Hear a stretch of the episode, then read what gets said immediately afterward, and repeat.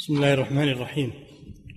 الحمد لله رب العالمين والصلاة والسلام على نبينا محمد وعلى آله وأصحابه أجمعين. أما بعد قال المؤلف رحمه الله تعالى أبواب اجتناب النجاسات ومواضع الصلوات. باب اجتناب النجاسة في الصلاة والعفو عمن لم يعلم بها. بسم الله الرحمن الرحيم. الحمد لله رب العالمين. صلى الله وسلم على نبينا محمد وعلى آله وأصحابه أجمعين. من شروط صحة الصلاة اجتناب النجاسة في الثوب والبدن والبقعة.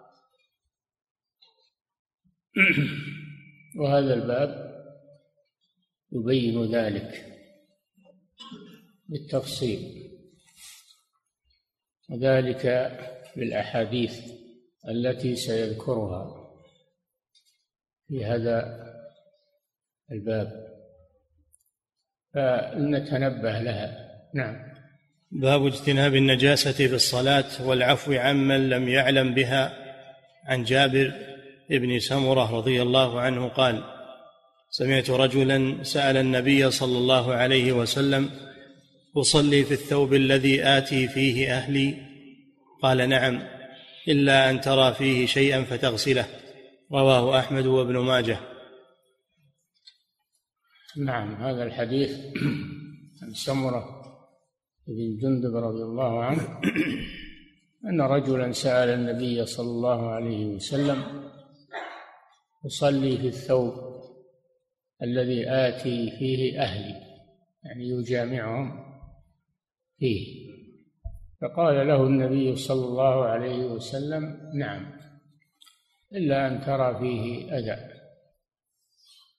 دل هذا على أنه إذا رأى في الثوب نجاسة أنه لا يصلي فيه بل يزيل هذه النجاسة. ودل على أن عرق الجنب طاهر. أن عرق الجنب طاهر. نعم.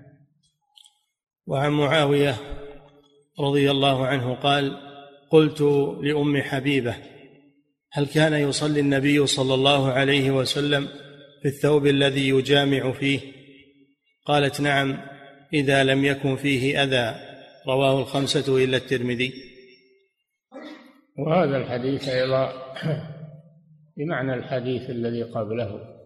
سئلت أم حبيبة بنت أبي سفيان أم, أم المؤمنين رضي الله عنها صلى في الثوب هل كان النبي صلى الله عليه وسلم يصلي في الثوب الذي أتى فيه أهله؟ أي الذي جامع فيه أهله. قالت نعم إلا أن يرى فيه أذى. إذا فدل على أن الثوب إذا كان فيه نجاسة فلا يصلي فيه حتى يزيلها بالغسل. نعم. وعن أبي سعيد رضي الله عنه عن النبي صلى الله عليه وسلم أنه صلى فخلع فخلع نعليه فخلع الناس نعالهم. فلما انصرف قال لهم لم خلعتم؟ قالوا رأيناك خلعت فخلعنا. فقال إن جبريل آتاني فأخبرني أن بهما خبثا فإذا جاء أحدكم المسجد فليقلبن عليه ولينظر فيهما فإن رأى خبثا فليمسحه بالأرض ثم ليصلي فيهما رواه أحمد وأبو داود.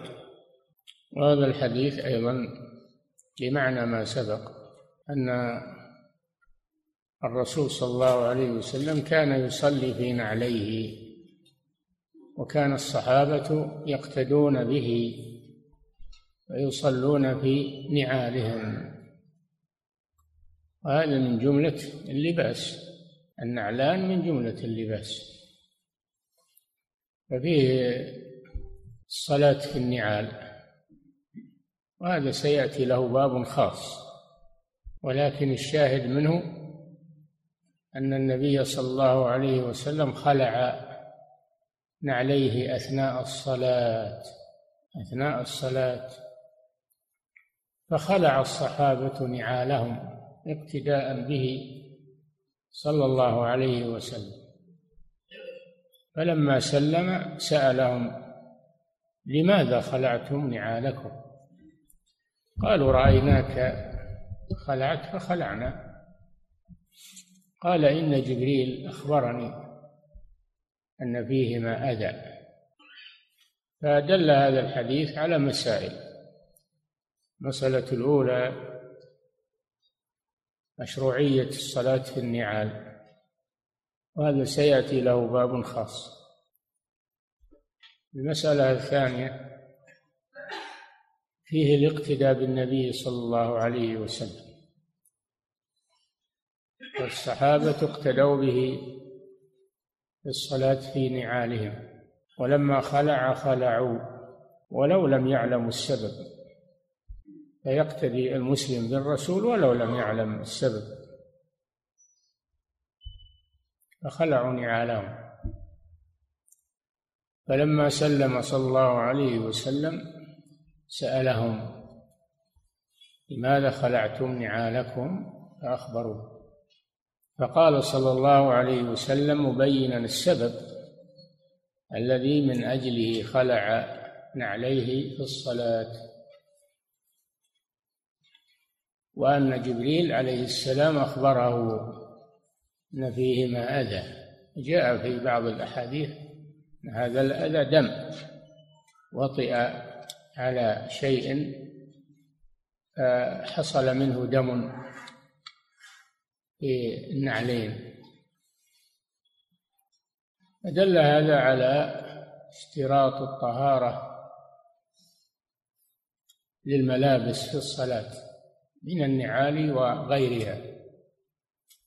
ودل أيضا على أن المصلي إذا لم يعلم بالنجاسة فصلاته صحيحة. فإن علم في أثناء الصلاة وأمكنه أن يتخلص من الملبوس الذي عليه أنه يتخلص منه ولا يستمر فيه.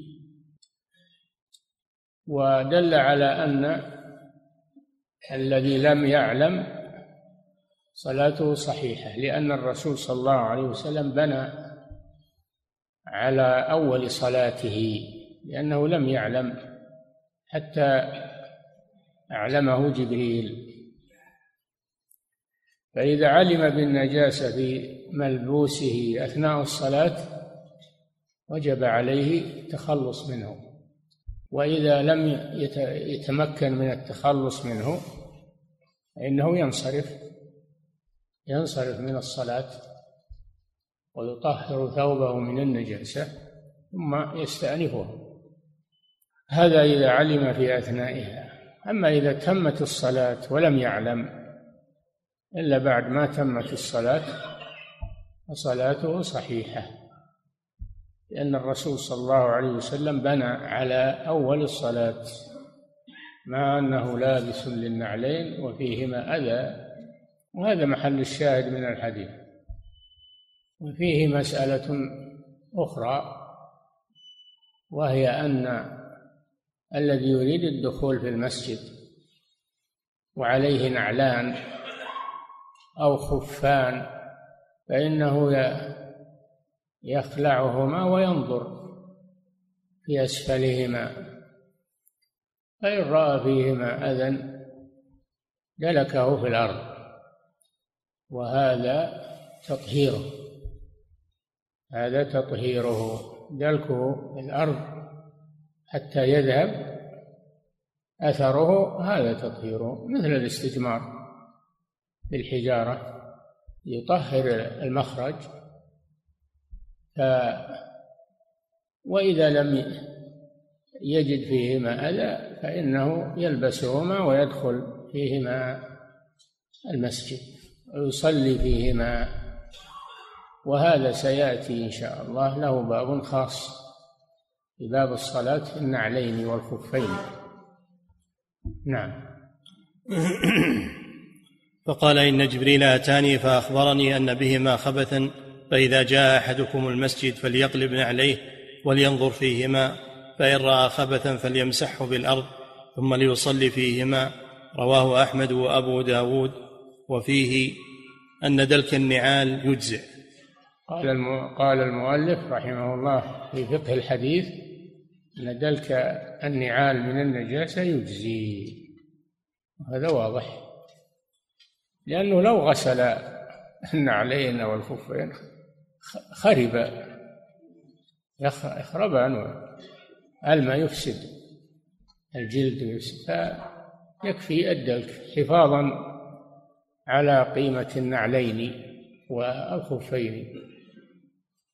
نعم. وأن الأصل أن أمته أسوته في الأحكام. ويقول المؤلف رحمه الله ويدل الحديث على أن الأصل أن الاقتداء به صلى الله عليه وسلم في الأحكام. قوله صلى لقوله تعالى لقد كان لكم في رسول الله أسوة حسنة. نعم فأمته أسوته في الأحكام الشرعية. نعم.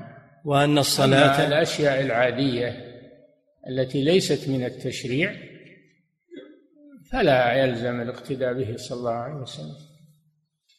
الأكل والجلوس والمشي والأشياء العادية التي ليست من التشريع. نعم. وأن الصلاة في النعلين لا تكره. وأن وأن الصلاة في النعلين لا تكره. لا تكره خلافا لمن كره ذلك. وهذا يأتي في بابه إن شاء الله. نعم. وأن العمل اليسير معفو عنه. نعم وهذه المسألة أيضا وهي أن العمل والحركة اليسيرة في الصلاة معفو عنها ولا تؤثر على الصلاة مثل خلع النعال مثل تناول الشيء الذي يحتاجه في صلاته أنه معفو عنه. ولا يؤثر على الصلاة. نعم. باب حمل المحدث والمستجمر. باب حمل المحدث والمستجمر في الصلاة وثياب الصغار وما شك في نجاسته. حمل المحدث حمل المصلي للمحدث للشخص المحدث في الصلاة الذي ليس على طهارة ليس على وضوء. وكذلك ثيابه. ثياب الصغير. قد يكون فيها نجاسة قد يكون لكن يعفى عن ذلك. يعفى عن ذلك. المصلي يحمل الطفل الصغير ذكرا أو أنثى. ولا حرج في ذلك. نعم. باب حمل المحدث والمستجمر في الصلاة. والمستجمر إذا كان المحمول قد أحدث واستجمر. استجمر في المخرج ونشفه بالاستجمار فهذا معفو عنه ويصلي ويحمله من احتاج إلى الحمل في الصلاة. نعم. باب حمل المحدث والمستجمر في الصلاة وثياب الصغار وما شك في نجاسته. ثياب الصغار. نعم لأن ثياب الصغار مظنة فيها نجاسة لكن مع هذا يعفى عنها لأن الأصل الطهارة. الأصل في هذا الطهارة. هذا فيه نفي الوسوسة والشكوك. نعم. وثياب الصغار وما شك في نجاسته. وما شك في نجاسته من الثياب. إذا شككت في هذا الثوب هل هو طاهر ولا نجس؟ الأصل الطهارة. أتصلي فيه ولا تأخذ بالشك. نعم. عن أبي قتادة رضي الله عنه أن رسول الله صلى الله عليه وسلم كان يصلي وهو حامل أمامة بنت زينب بنت رسول الله صلى الله عليه وسلم فإذا ركع وضعها وإذا قام حملها متفق عليه. نعم هذا الحديث يدل على جواز حمل حمل الصغير في الصلاة ولو كان هذا الصغير لا يدرى عن ثيابه وهذا الصغير أيضا قد يكون قد تبول أو أو تغوط. فلا ينظر إلى هذا. فهذا الحديث فيه أن النبي صلى الله عليه وسلم كان يصلي ويحمل أمامة بنت أبي العاص بن الربيع ابنة زينب بنت الرسول صلى الله عليه وسلم وزينب أكبر بناته صلى الله عليه وسلم. وكانت تحت أبي العاص ابن الربيع رضي الله عنه. فالرسول يحمل هذه الطفلة. فدل هذا على تواضع الرسول صلى الله عليه وسلم وعلى شفقته على الأطفال. ودل على أن حملهم في الصلاة ليس ممنوعا. ولا يشكك في أن فيهم نجاسة أو أن ثيابهم غير نجسة. ما لم نرى نجاسة واضحة. الأصل الطهارة قطع الوساوس والشكوك والتشدد في هذا. وكان صلى الله عليه وسلم إذا قام حملها وإذا سجد وضعها ففيه العفو عن الحركة اليسيرة في الصلاة. كما سبق في خلع النعلين. حركة اليسيرة في الصلاة. نعم. وعن أبي هريرة رضي الله عنه قال كنا نصلي مع النبي صلى الله عليه وسلم العشاء فإذا سجد وثب الحسن والحسين على ظهره فإذا رفع رأسه أخذهما أخذا رفيقا من خلفه ويضعهما على الأرض فإذا عاد عادا. حتى قضى صلاته ثم أقعد أحدهما على فخذيه. فقال قال فقمت إليه. فقلت يا رسول الله أردهما؟ فبرقت برقة. فقال لهما الحقا بأمكما. فمكث ضوءها حتى دخل رواه أحمد. نعم هذا الحديث فيه عجائب. وهو اولا أنه صلى الله عليه وسلم كان إذا سجد وثب الحسن والحسين وكان طفل وكان طفلين صغيرين وهما أبناء بنته فاطمة رضي الله عنها وابن علي بن أبي طالب رضي الله تعالى عنه فدل على أنه إذا جاء الطفل و ركب على الساجد جاء الطفل وركب على ظهر الساجد أنه لا بأس بذلك دون نظر إلى حالة هذا الطفل هل في ثيابه نجاسة أو لا دون نظر إلى كونه استنجى بالماء بعد الخارج أو لا هذا فيه التسامح في هذا الأمر وأن الأصل في ذلك الطهارة. وفيه أنه يرفق بالأطفال. كان صلى الله عليه وسلم إذا قام من سجوده أخذهما من على ظهره فأقعدهما برفق ولم ينفضهما أو يضربهما. فيه الرفق في بالأطفال. وهذا من كرم أخلاقه صلى الله عليه وسلم ومن تواضعه. فلما سلم قام واحد منهما أو لما سلم أخذ واحدا منهما وجعله على فخذيه عليه الصلاة والسلام. وهذا أيضا من التلطف بالأطفال. فقام أبو هريرة رضي الله عنه راوي الحديث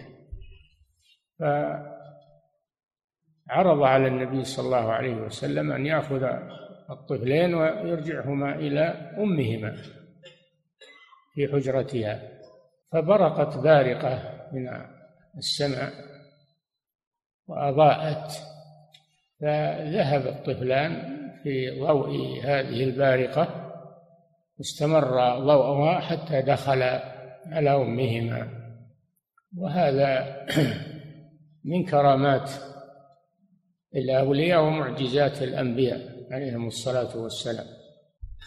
والشاهد من هذا هو كما سبق أن ملابسة الطفل في الصلاة سواء حمله المصلي أو هو جاء ولابس المصلي ولصق به أو جلس على ظهره إن هذا لا يؤثر. على الصلاة. ولا ينظر إلى أن الأطفال لا لا يتجنبون النجاسة أو لا. ما لم تعلم النجاسة فالأصل الطهارة والحمد لله. وفيه الحركة في الصلاة أنه كان يجلسهما برفق. فيه الحركة في الصلاة وفيه الرفق بالأطفال وعدم التعنيف. بالأطفال. نعم. وعن عائشة رضي الله عنها قالت كان النبي صلى الله عليه وسلم يصلي من الليل وأنا إلى جنبه وأنا حائض وعلي مرط وعليه بعضه. رواه مسلم وأبو داود وابن ماجه. وهذا أيضا مما يدل على أن على أن كون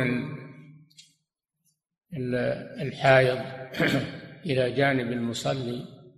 الحائض عليها حدث أكبر ولا مانع أنها تكون إلى جانب المصلي إذا كان محرما لها إذا كان محرما لها بأن كان زوجها أو محرما من أقاربها فلا بأس أن تكون إلى جنبه وهي حائض.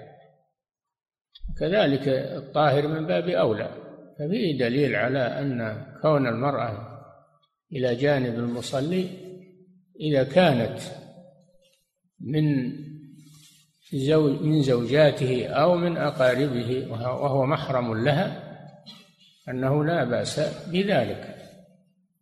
أما اختلاط النساء مع الرجال من غير أن يكونوا محارم لهن أو أزواجا لهن هذا لا يجوز لا في الصلاة ولا في غيرها. لما في ذلك من الفتنة والشر. فالذين ينادون الآن بالاختلاط هؤلاء يريدون تغيير شرع الله سبحانه وتعالى في هذا الأمر في عزل النساء عن الرجال تجنبا للفتنة. ف وقولها عليه مرط عليها بعض المرط هو كساء. هو الكساء قد يكون إزارا وقد يكون رداء. فكان صلى الله عليه وسلم ملتحفا ببعض هذا المرط وعائشة رضي الله عنها ملتحفة ببعضه. وهذا أيضا دليل على أن أن قربان الحائض وكونها إلى جانب المصلي أنه لا يؤثر. نعم. وعن عائشة رضي الله عنها قالت كان النبي صلى الله عليه وسلم لا يصلي في شعرنا رواه أحمد وأبو داود والترمذي وصححه ولفظه لا يصلي في لحف نسائه. نعم الشعر هي اللحف تلتحف بها المرأة وترتديها ترتديها. والشعر جمع شعار وهو ما يلي الجلد. وما يلي الجلد من اللباس؟ قالوا له الشعار. وما فوقه ما فوق الشعار يقال له الدثار. قالوا له الدثار. وهذا الحديث فيه أنه صلى الله عليه وسلم لا يصلي في شعر النساء أي في ملابسهن الخاصة بهن. نعم. باب من صلى على مركوب نجس أو قد أو قد باب من صلى على مركوب نجس أو قد أصابته نجاسة. والحديث الذي قبله حديث المرض هذا ليس خاصا بالمرأة له ولها له صلى الله عليه وسلم ولها ليس خاصا بها إنما الشعار هو الخاص بالمرأة. نعم. باب من صلى على مركوب نجس أو قد أصابته نجاسة. من صلى على مركوب نجس أو قد أصابته نجاسة. والحديث الذي مر هذا في صلاة الليل. هذا في صلاة الليل. أنه كان صلى الله عليه وسلم يتهجد في بيته وتهجد على فراشه وعند امرأته. نعم. باب من صلى على مركوب نجس أو قد أصابته نجاسة. عن ابن عمر. أن ذلك جائز من صلى على مركوب نجس أو أنه الأصل أنه طاهر لكن تنجس. أصابته نجاسة. فهذا متنجس يقال له متنجس بمعنى أنه كان في الأصل طاهرا ثم أصابته النجاسة.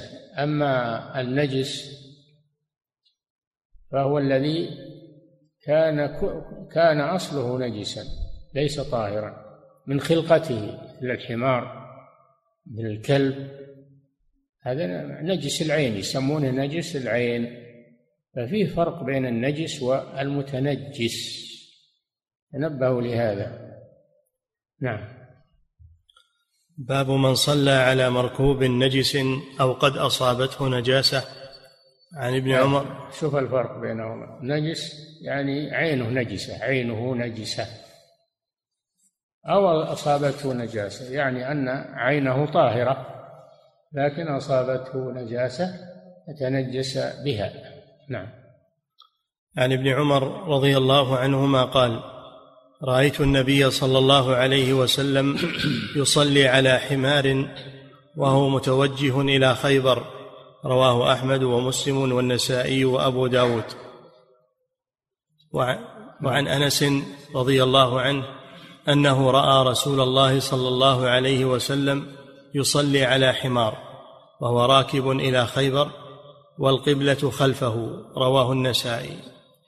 نعم هذا فيه جواز التنفل على صلاة الليل فيه جواز صلاة الليل على المركوب إذا كان في سفر. إذا كان في سفر فإنه يصلي صلاة الليل على مركوبه أينما توجه به. أينما توجه به ولو كانت القبلة خلف ظهره أو إلى جنبه. وذلك لأجل التوسعة على المسلمين في طلب الخير وأن يمكن المسافر من صلاة الليل ولا يحرم منها. ولهذا قال وفي سفره إلى خيبر. وخيبر معلوم أنها شمال المدينة. أنها شمال المدينة. والقبلة خلف ظهره لأن مكة خلف ظهره لأن قبلة المدينة جنوب إلى جهة الجنوب. قبلة المدينة إلى جهة الجنوب. فإذا وخيبر إلى جهة الشمال وهو متوجه إلى خيبر. فهذا دليل على أن أنه لا يشترط للمتهجد على الدابة أن يتوجه إلى القبلة إلى الكعبة. وهذا شيء معروف. وإنما الشاهد من هذا أنه يصلي على الحمار والحمار نجس العين. فهذا شاهد للترجمة. الصلاة على آه، النجس المركوب النجس يعني. شاهد للترجمة لأن الحمار نجس العين. نعم أعد. وعن ابن عمر رضي الله عنهما قال رأيت النبي صلى الله عليه وسلم يصلي على حمار وهو متوجه إلى خيبر. رواه أحمد ومسلم والنسائي وأبو داود. وعن أنس رضي الله عنه أنه رأى رسول الله صلى الله عليه وسلم يصلي على حمار وهو راكب إلى خيبر والقبلة خلفه. رواه النسائي. نعم توافق الحديثان في أنه صلى الله عليه وسلم كان يتهجد على الحمار ففيه دليل على جواز الصلاة على الحمار وهو نجس العين لكن لا يسري منه نجاسة إلى من ركبه. لا يسري منه نجاسة إلى من ركبه. ولو عرق فعرقه طاهر عرق الحمار طاهر. إنما لحمه وبوله وروثه وسؤره بعدما يشرب الماء أو يأكل من شيء الباقي بعده نجس. فهذا محل الشاهد من الحديث أنه يصلي على الحمار من الحديثين. صلي على الحمار.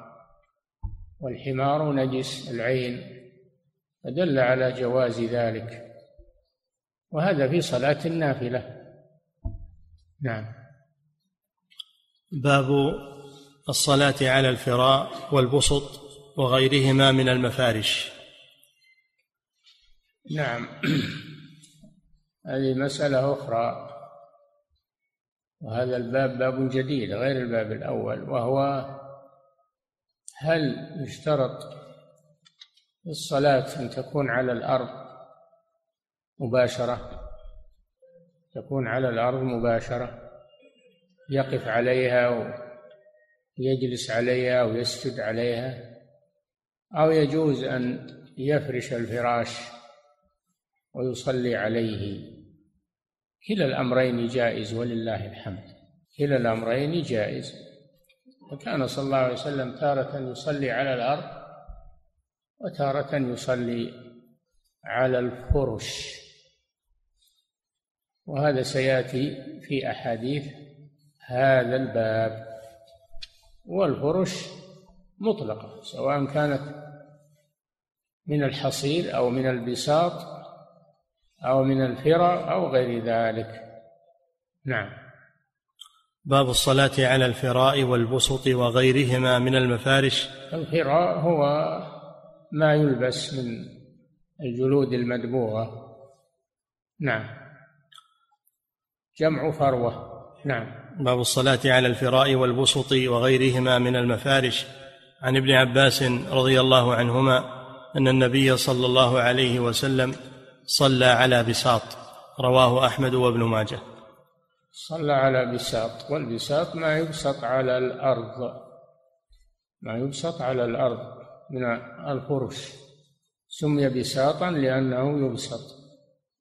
سواء كان من الحصير أو من الصوف أو من غير ذلك.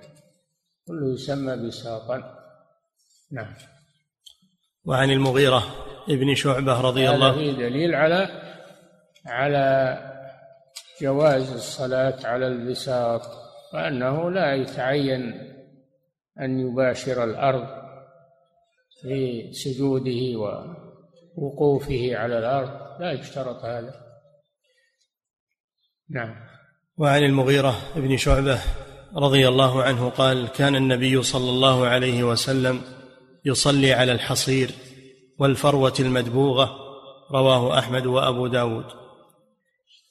الحصير والبساط بمعنى واحد إلا أن الحصير يكون من الخوص يكون من الخوص من خوص النخل أو غيره من النباتات التي تنسج منها البسط. نعم. قال كان وعن المغيرة بن شعبة قال كان النبي صلى الله عليه وسلم يصلي على الحصير والفروة المدبوغة. رواه أحمد وأبو داود. الفروة المدبوغة الفروة هي ما يلبس ما يلبس من الجلود تكون مدبوغة بالدباغ كما سبق. نعم.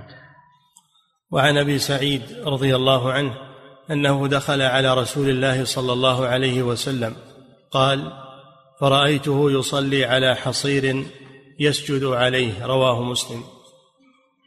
على حصير يسجد عليه. يعني سواء كان هذا الذي يصلي عليه سواء كان يقف عليه ويجلس عليه ويسجد عليه أو كان لبعض بدنه كأن يسجد عليه عن حرارة الأرض أو عن الشوك. يجعل تحت وجهه شيئا يسجد عليه توقى به آه، الأذى. لا بأس بذلك. ما يشترط في الحصير أنه يكون ضافي يصلي يقف ويجلس ويسجد عليه. ما ما يشترط هذا. ولو كان قصيرا يسجد عليه فقط. أو بالعكس أو كان يقف عليه ويجلس عليه فقط ويسجد على الأرض ما في معنى نعم. وعن ميمونة رضي الله عنها قالت كان رسول الله صلى الله عليه وسلم يصلي على الخمرة رواه الجماعة إلا الترمذي لكنه له من رواية ابن عباس. والخمرة هي القطعة الفراش قطعة الفراش يسجد عليها وهي قصيرة ليست ضافية يقف عليها ويجلس عليها ويسجد عليها لا هي على قدر الوجه والكفين. نعم. تكون من الصوف تكون من آه، السعف تكون نعم. وعن أبي الدرداء رضي الله عنه قال ما أبالي لو صليت على خمس طنافس. رواه البخاري في تاريخه. نعم وهذا أبو الدرداء رضي الله عنه يقول ما أبالي لو صليت على خمس طنافس والطنفسة هي البساط اللين الذي له خمل البساط الذي له خمل تلينه فلا كراهة ولا مانع أن يصلي على واحدة أو على أكثر لو طابقها بعضها على بعض صلى عليها. يقول أبو أبو الدرداء رضي الله عنه لا أبالي بذلك. فهذا فيه توسعة على الناس. نعم. باب الصلاة في النعلين والخفين. هذا هو الباب الذي كنا نشير إليه. مشروعية الصلاة في الخفين و والنعلين. هذا لا بأس به أو يستحب يستحب الصلاة في النعلين أو في الخفين. ويجوز أن يخلعهما ويصلي يقف على المصلى وعلى الأرض لا بأس. يجوز خلعهما ويجوز لبسهما وإن كان لبسهما أفضل. إلا إذا كان في الصلاة بهما مانع كما يأتي. نعم فإذا صلى بهما فهذا أفضل. نعم. باب الصلاة في النعلين والخفين. عن أبي مسلمة سعيد بن يزيد قال سألت أنسا أكان النبي صلى الله عليه وسلم يصلي في يصلي في نعليه؟ قال نعم متفق عليه. نعم.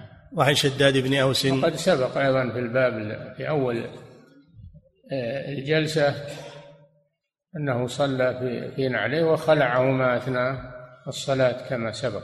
نعم. وعن شداد بن أوس قال قال رسول الله صلى الله عليه وسلم خالفوا اليهود فإنهم لا يصلون في نعالهم ولا خفافهم رواه أبو داود. هذا في بيان الحكمة الصلاة النعلين خالفوا اليهود لأن اليهود لا يصلون في نعالهم وخفافهم. وكأنهم أخذوا هذا من قوله تعالى لموسى فاخلع نعليك إنك بالوادي المقدس طوى فاليهود لا يخلع لا يصلون في نعالهم ونحن مأمورون بمخالفتهم. وهذا من باب الاستحباب ليس من باب الوجوب. بدليل أن من الصحابة من لا يصلي في نعليه نعم. باب المواضع المنهي عنها والمأذون فيها للصلاة. يكفي نقف عند هذا. بسم الله.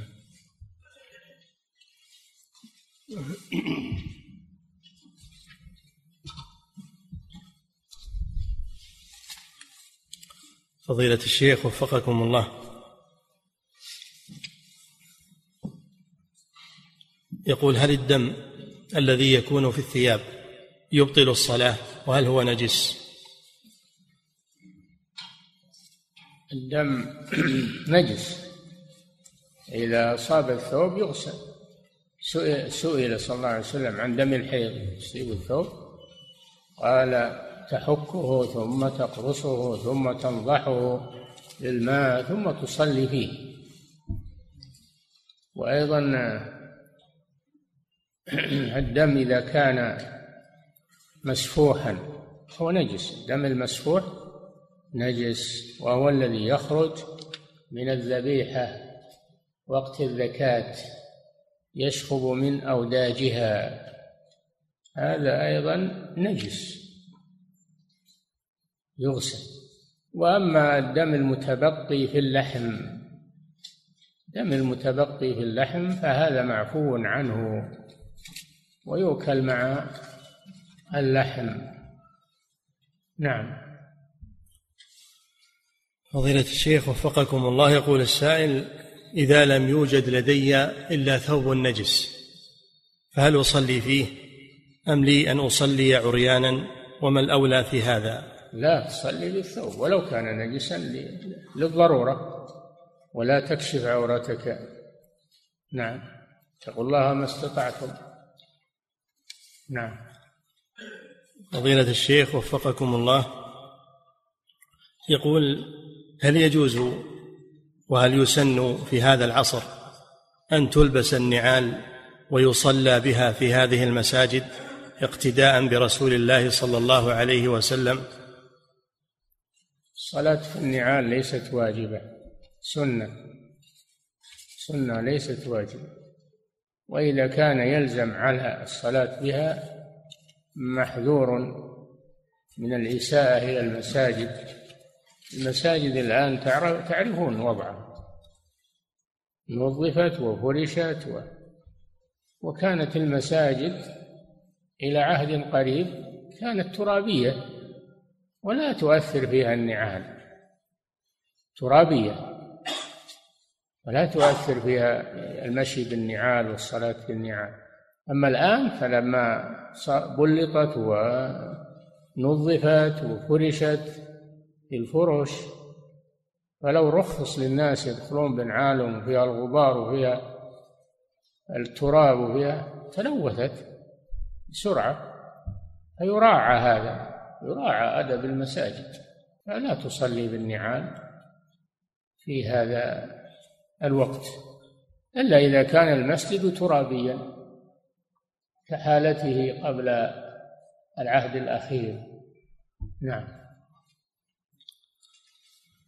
فضيلة الشيخ وفقكم الله إذا عاد الرجل إلى صلاته إذا عاد الرجل إلى صلاته بعد أن خرج منها لعارض كوجود نجاسة مثلا فهل يتم ما تبقى له أم يستأنف من جديد؟ لا. يستأنف من جديد لأن صلاته الأولى قطعها ذهب قطعها وانصرف منها. كيف يبني عليها؟ نعم. فضيلة الشيخ وفقكم الله إذا وجد الإنسان في نعليه أذى أو خبثا ولم يجد ترابا كما يعلم الآن لا يوجد سوى يقول الإزفلت والإسمنت. فهل يجزئ؟ يدلكها على الإسمنت ولا على ولا على على على القار ادلكها بالموجود أو بالجدار. نعم. فضيلة الشيخ وفقكم الله يقول أصاب ثوبي نجاسة فغسلته بالماء وذهب أثره ولكن ما زالت الرائحة موجودة. فهل تصح الصلاة في هذا الثوب؟ لا. ما دامت الرائحة موجودة هذا دليل على بقاء النجاسة. فمعناه أنك ما طهرتها. فلا بد من غسلها إلى أن تزول الرائحة. إنما ذكروا أن الدم إذا كان أو النجاسة التي لها لون إذا غسل وغسل ولم ولم يزل أثره بعد الغسل أنه يعفى عن ذلك. إذا عجز عن إزالته لأن اللون قد يصعب إزالته. نعم. فضيلة الشيخ وفقكم الله. أسئلة حفظكم الله لهذا قال صلى الله عليه وسلم لما أرشد الحائض قال ولا يضرك أثره إذا فعلت ما أمرها به من الحك ثم القرص بالماء ثم النضح فإذا لم يذهب اللون قال لا يضرك أثره نعم. فضيلة الشيخ وفقكم الله أسئلة كثيرة تسأل عن موضوع واحد وهو إذا تيقنا أن الطفل يحمل نجاسة فهل يجوز أن يحمله المصلي؟ لا. تيقنت إن فيه نجاسة لا تحمله. لكن الكلام على ما ما عندك جزم فيه نجاسة. نعم. وكذلك يمكن ينجسك. يمكن لو صار فيه نجاسة ينجسك أنت بعد. نعم. أو ينجس المسجد. والأحاديث التي مرت فيها دليل على جواز دخول الأطفال إلى المساجد إذا لم يتأذى بهم المصلون ولم يسيئوا إلى المسجد أنه لا بأس بذلك. نعم. فضيلة الشيخ وفقكم الله.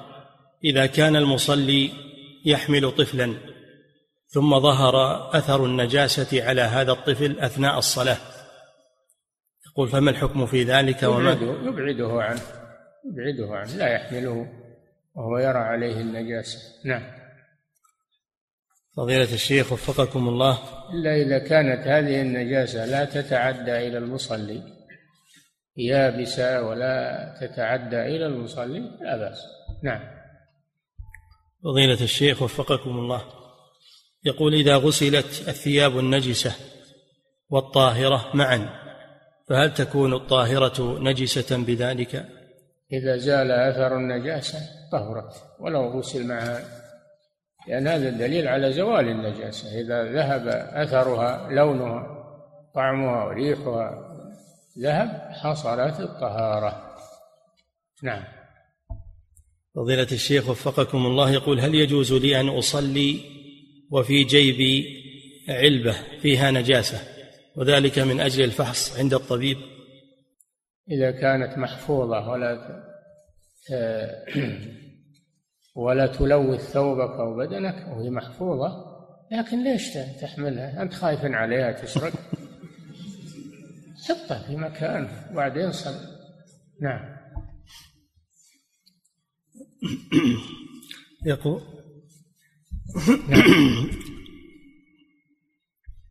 نعم. نعم. يقول فضيلة الشيخ وفقكم الله.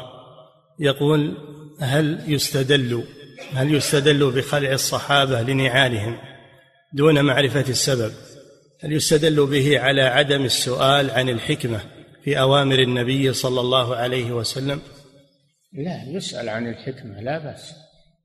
يسأل عن الحكمة لأن فيها طمأنينة زيادة طمأنينة.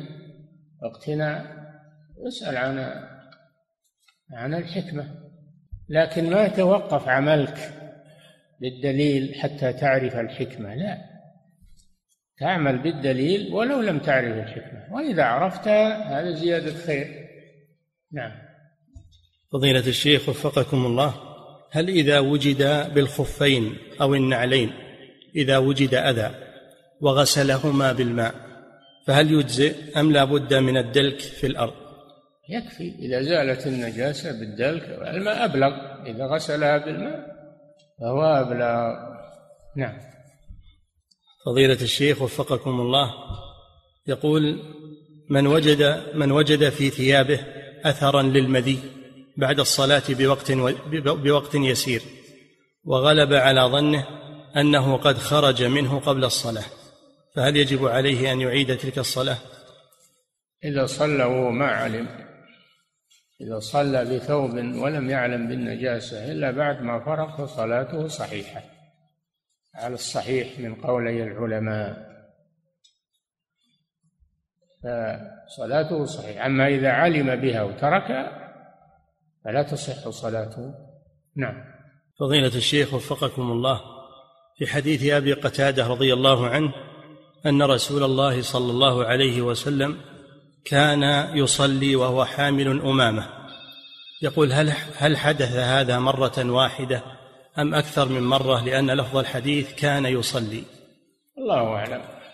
لا نتكلم في هذا المهم أنه ثبت أنه حملها في الصلاة سواء تكرر أو ما تكرر. نعم. فضيلة الشيخ وفقكم الله يقول حمل حمل حمل بعض الصغار. حمل بعض الصغار أثناء الصلاة ألا يسبب نقصا في الخشوع وقد يشوش على من حوله فما النصيحة في ذلك؟ يعني أن تشهد خشوع من الرسول صلى الله عليه وسلم. ما يسبب هذا. هذا ما يسبب. الرسول حمل الطفلة وهو يصلي وهو أكمل الخلق خشوعا. في صلاته عليه الصلاة والسلام. نعم. فضيلة الشيخ وفقكم الله في باب من صلى على مركوب نجس هل يكون هذا خاصا بصلاة النوافل أو أيضا تدخل فيها الفرائض؟ الحديث أو الباب مطلق فرائض لأنه لا لا يتعدى نجاسة الحمار إلى راكبه ما يتعدى. نعم. أما إذا كان الحمار أو غيره عليه نجاسة تتعدى إلى الثوب إلى البدن فلا يجوز. نعم. فضيلة الشيخ وفقكم الله يقول في قوله في الحديث وهو راكب إلى خيبر.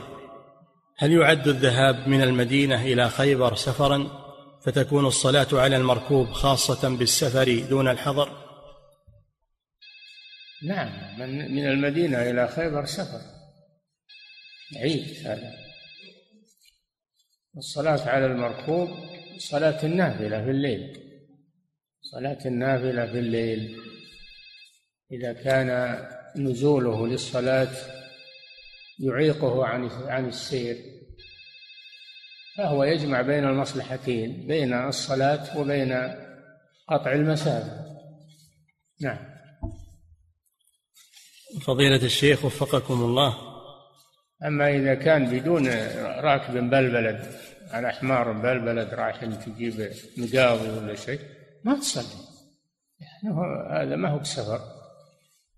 ما هو بسفر ولا يعيقك عن السير أيضا. العلة مفقودة في هذا. نعم. فضيلة الشيخ وفقكم الله الحمار الذي صلى عليه الرسول صلى الله عليه وسلم هل يحتمل أنه قبل تحريم الحمر الأهلية لأنها قد حرمت في خيبر؟ هذا يا أخي ما هو للأكل الكلام الآن في الصلاة في الركوب عليه والصلاة على ظهره صلاة النافلة في الليل. أما حديث خيبر هذه في أكل لحوم لحوم الحمر. نعم. فضيلة الشيخ وفقكم الله هل يجوز لي الصلاة على السجاد؟ الذي يباع في الأسواق وفيه تصاوير للكعبة وللبيت الحرام وغير ذلك من النقوشات يقول علما بأنها لا تلهيني ولا ألتفت إليها. يكره الصلاة على الأشياء اللي فيها نقوش لأنها تشغلك مهما كان تشغلك النظر إليها و... نعم. فضيلة الشيخ وفقكم الله هل يشترط في الصلاة في السفر أن يتجه أولا عند تكبيرة الإحرام إلى القبلة أم أنه يكبر حيث كانت وجهته؟ كبر حيث كانت وجهته. ما ورد أن الرسول صلى الله عليه وسلم يستقبل القبلة ثم يتجه إلى جهة السير. ما ورد هذا. إنما الفقهاء ذكروا هذا في اللي تنفل وهو يمشي الليل. تنفل وهو يمشي بالليل يقولون يتوجه إلى القبلة يكبر تكبيرة الإحرام ثم يعود ويتجه إلى جهة سفره ويمشي على قدميه. ذكروا هذا وما عليه دليل هذا. نعم.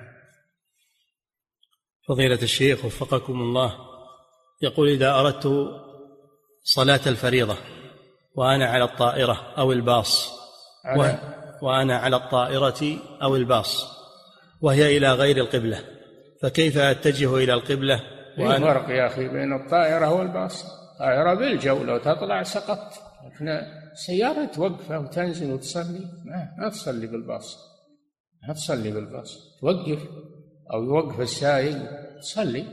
ينزلون ويصلون على الأرض. ما خلاف الطائرة. الأرض بعيدة عنك. طائرة غير شكل. نعم. فضيلة الشيخ وفقكم الله يقول ذكر في الدرس أن من السنة أن يصلي في نعليه أو في خفيه. فهل يقاس على ذلك الشرابين؟ فيقال من السنة أن يصلي في شرابين. الشراب تبي تصلي فيهم لأن خلعهم مشقة عليك. وهم لباس ما هم مثل الخفين والنعلين هم لباس مثل ثوبك مثل اللباس الذي عليك. في خلعهما مشقة لا مانع من الصلاة فيهما ولا يقال إن الصلاة في آه، الجوربين إنه صلاة في النعلين أو في الخفين. لا. نعم. يقول فضيلة الشيخ وفقكم الله. يقول أشكل علي حديث كان النبي صلى الله عليه وسلم لا يسبح في السفر والحديث الذي مر معنا أنه كان يصلي صلاة الليل في السفر فكيف يجمع بينهما؟ السبحة هي الراتبة الراتبة التي مع الفريضة هذه السبحة فكان إذا قصر الصلاة يترك الرواتب إلا راتبة الفجر.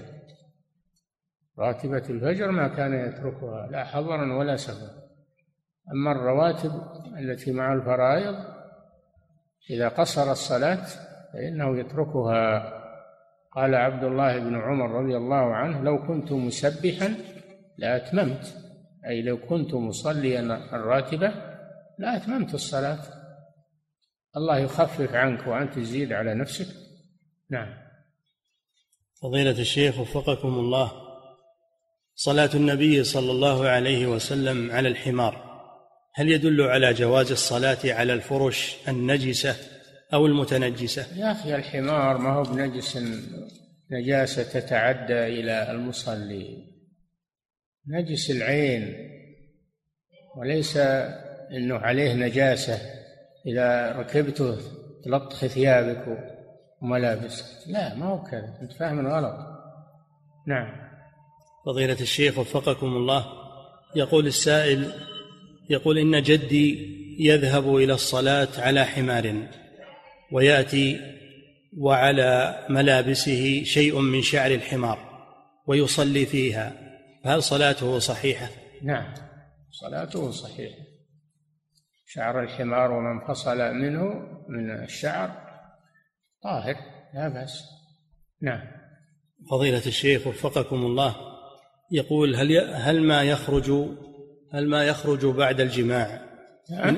هل ما يخرج بعد الجماع من اختلاط مني الرجل بمني زوجته. يعتبر طاهرا فلا تغسل هذه الملابس التي أصابها ذلك. المني ما هو يخرج المني في الرحم يقذف في الرحم. هل يخرج؟ هذه رطوبة هذه رطوبة تغسل. نعم رطوبة الفرج. نعم. فضيلة الشيخ وفقكم الله يقول يقول هل يجوز إذا كانت دورات المياه ممتلئة وأخشى أن تفوتني الصلاة فهل يجوز لي أن أتيمم؟ كيف؟ ممتلئة إيش ممتلئة؟ من الناس خذ ماء خذ ماء بالبريق ولا بإناء وتوضا أو لازم دورة المياه خذ معك ماء في إناء وتوضا في مكان ما فيه تلويث نعم فضيلة الشيخ وفقكم الله يقول ما الحكمة من عدم صلاة النبي صلى الله عليه وسلم في شعر النساء؟ ملابس النساء يعني أن تلبس ملابس النساء. ملابس النساء خاصة بهن لا يلبسهن الرجل. ملابس الرجل لا تلبسها النساء. نعم. فضيلة الشيخ وفقكم الله يقول هل هناك أو ما الفرق ما الفرق بين نجاسة الحمار ونجاسة الكلب؟ لا فرق بينهما. كلاهما نجس العين ولكن الكلب إذا كان يابسا ولا يتعدى منك مجرد لمسه وهو يابس ما في ما في شيء. أو يمر بك ويلمس جسمك وهو ما حصل منه شيء يتعدى إليك ما, ما في بأس ولا يؤثر هذا. نعم. فضيلة الشيخ وفقكم الله يقول بعض المصلين يأخذ طرف شماغه ويفرشه تحت جبهته وأنفه أثناء السجود. يقول هل يجوز ذلك؟ إذا احتاج إليه لا بأس. الصحابة رضي الله عنهم كانوا يصلون والأرض حارة صلاة الظهر آه، يضعون عمائمهم تحت جباههم ويصلوا ويسجدون عليها. إذا كان لحاجة لا بأس. أما إذا كان بدون حاجة فلا. الأولى ترك. نعم. فضيلة الشيخ وفقكم الله. يقول إذا صلى الرجل إذا صلى الرجل وقد خرج منه ريح في صلاته لكنه لم يشم هذه الرائحة الخارجة هل يجوز له أن يكمل صلاته؟ وش يدري؟ إذا لم يشمها وش يدري؟ يكون وسواس هذا. ومن الشيطان. الرسول صلى الله عليه وسلم أعطاك علامتين. إذا وجدت إحداهما تنصرف. الصوت أو الرائحة. وما عدا ذلك لا. لأنك ما تتيقن أن هذا خارج منك. شك هذا. واليقين لا يزول بالشك. نعم. فضيلة الشيخ وفقكم الله. يقول ما يعلق باليدين من الرائحة بعد الاستنجاء؟ ولا يوجد صابون فهل أتوضأ وأصلي أم لا؟ ما يعلق باليدين من الرائحة بعد الاستنجاء ولا يوجد صابون فهل أتوضأ وأصلي مع وجود الرائحة أم لا بد من إزالتها من اليدين؟ كان صلى الله عليه وسلم إذا استنجى بعد ما يحصل جماع إذا غسل فرجه كان إذا خلص من غسل فرجه يضرب بيديه على الأرض على التراب. لتزول الرائحة. أزل الرائحة منديل ولا شيء. ما يخالف. نعم. فضيلة الشيخ وفقكم الله. يقول هل لا بد في المذي من الغسل؟ أم يكفي نضحه ورشه؟ نجاسة مخففة. المذي نجاسة مخففة. مثل بول الغلام الذي لم يأكل الطعام. يكفي نضحه بالماء. نعم. فضيلة الشيخ وفقكم الله يقول ما حكم لبس الثياب التي فيها شعارات للكفار أو عليها أسماء للكفار؟ وما حكم الصلاة بهذه الألبسة؟ هذا مر علينا في كتاب اللباس. إن ما يجوز أنك تحمل شعار الكفار في ملابسك لا الصليب ولا غيره. لا يجوز لك هذا. نعم. فضيلة الشيخ وفقكم الله يقول هل شرب الماء في صلاة النافلة متعمدا هل هو جائز؟ نعم فعله ابن الزبير لكن ما يسثر أشرب ما بقدر ما يبل الحلقة لكن ابن الزبير رضي الله عنه كان يطيل الصلاة. أنتم تطيلون الصلاة مثل ابن الزبير؟ بصلاة النافلة بالليل كان رضي الله عنه مشهور بقيام الليل وطول القيام كان يأخذ شيء من الماء يبل ريقه نعم. فضيلة الشيخ وفقكم الله يقول ما حكم مرور الطفل أمام المصلي؟ سواء كان هذا الطفل ما حكم مرور الطفل أمام المصلي؟ سواء كان هذا الطفل بنتا أم غلاما؟ وهل يقطع الصلاة؟ الطفل ما يملك ولا تستطيع تمنع الطفل الكبير تمنع. وأما الطفل ما تستطيع تمنع مروره الأمر سهل فيه نعم. فضيلة الشيخ وفقكم الله. يقول رجل لديه زكاة مال فهل يجوز أن يعطيها لأحد والديه؟ علما أن والديه منفصلان عن بعضهما ولا يعيش أحدهما مع الآخر وكلاهما فقير. إذا كانت زكاته هو لا يجوز هذا. ينفق عليهما. لا يجعل الزكاة بديلة عن وجوب النفقة عليهما. ما يقي بها ماله. أما إن كانت الزكاة من غيره واحد أعطاك زكاة وقال أعطها الفقير. والدك فقير لا بأس أن تعطيه أن تعطيه منها. نعم. ويقول حفظك الله وهل يجوز أن يعطي زكاة ماله لأحد إخوته؟ إذا كان أخوه له أولاد ذكور فهذا جائز بالإجماع. أما إذا كان ما له أولاد وقد يرث لو مات فهذا محل خلاف. نعم. لأن الوارث يجب عليه أن ينفق على موروثه وعلى الوارث ها؟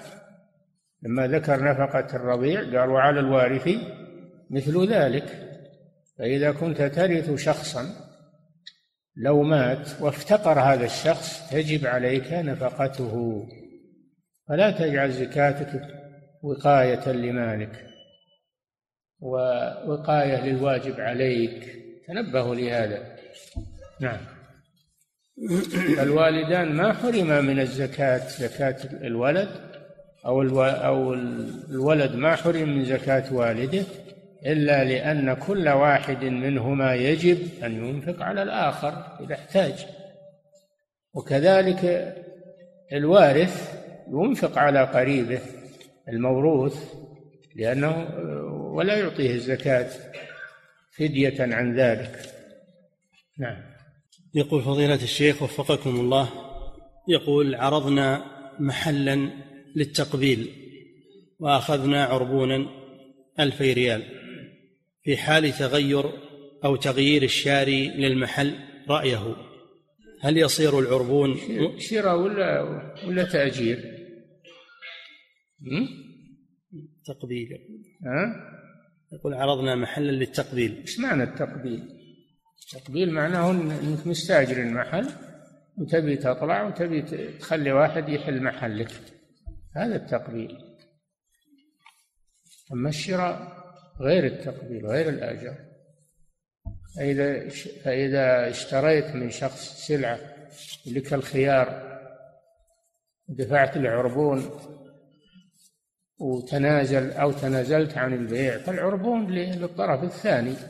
نظير ما حبست عليه سلعته. نعم. فضيلة الشيخ وفقكم الله. يقول يقول كثر الكلام في فتنة الإرجاء في وقتنا الحالي وظهر مؤيدون لها فما نصيحتكم لنا؟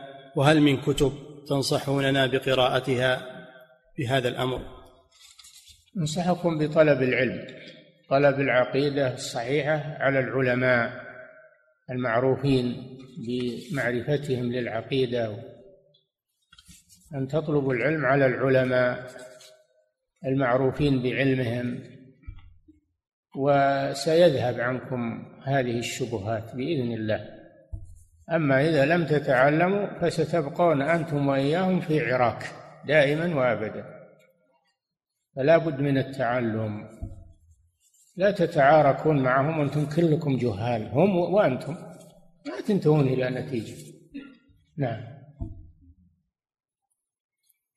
فضيلة الشيخ وفقكم الله يقول كنت مقصرا في وظيفتي في الحضور والانصراف. يقول, يقول كنت مقصرا في الحضور لوظيفتي والانصراف وأنا عازم على ألا أتأخر مرة أخرى. سؤاله ماذا علي في الأيام التي قد تأخرت فيها وقد تقاضيت حقها؟ إذا كان أنك أخذت شيء بدون حضور فتخرج قدر قدر ما لم تحضر. قدر ما لم تحضر تخرج مقابله من الراتب وتتصدق به. نعم. فضيلة الشيخ وفقكم الله يقول يقول السائل إن الوالد هداه الله كثيرا ما يتلفظ على الوالدة. بألفاظ بذيئة وهي له وهي لها الآن عشر سنوات ولا تسمح له بمعاشرتها وهي جالسة عنده في البيت. سؤاله هل والدتي آثمة على فعلها هذا وما الواجب في ذلك؟ نعم هذا نشوز. إذا منعته من حقه عليها ومنه أو من أهمه أيضا الفراش فهي ناشز عاصية لله ولرسوله. فعليها أن تتوب أن تمكنه من حقه عليها. قد يكون هو معذور في كلامه عليها لأنها أخطأت في حقه. نعم فهي السبب في هذا. نعم. فضيلة الشيخ وفقكم الله. يقول ما رأي فضيلتكم في من يقول إن الحكم بالشريعة ليس بالضرورة أن ينتج عنه مجتمع صالح ويستشهد ببلادنا التي تحكم بالشريعة فيقول مع ذلك يوجد فيها الربا وغير ذلك من المنكرات والمخدرات. هذا جاهل ولا مخذل؟ يا أخي في عهد الرسول صلى الله عليه وسلم كان يحكم بالشريعة ويقيم الحدود ووجد في عصره من يسرق من يزني من من يشرب الخمر. وجد في عهده صلى الله عليه وسلم. مع أنه قائم على شريعة الله وتنفيذ الحدود. يوجد في المجتمع المسلم يوجد فيه. لكن الحمد لله الشريعة تقام على هؤلاء ويتطهر المجتمع منهم.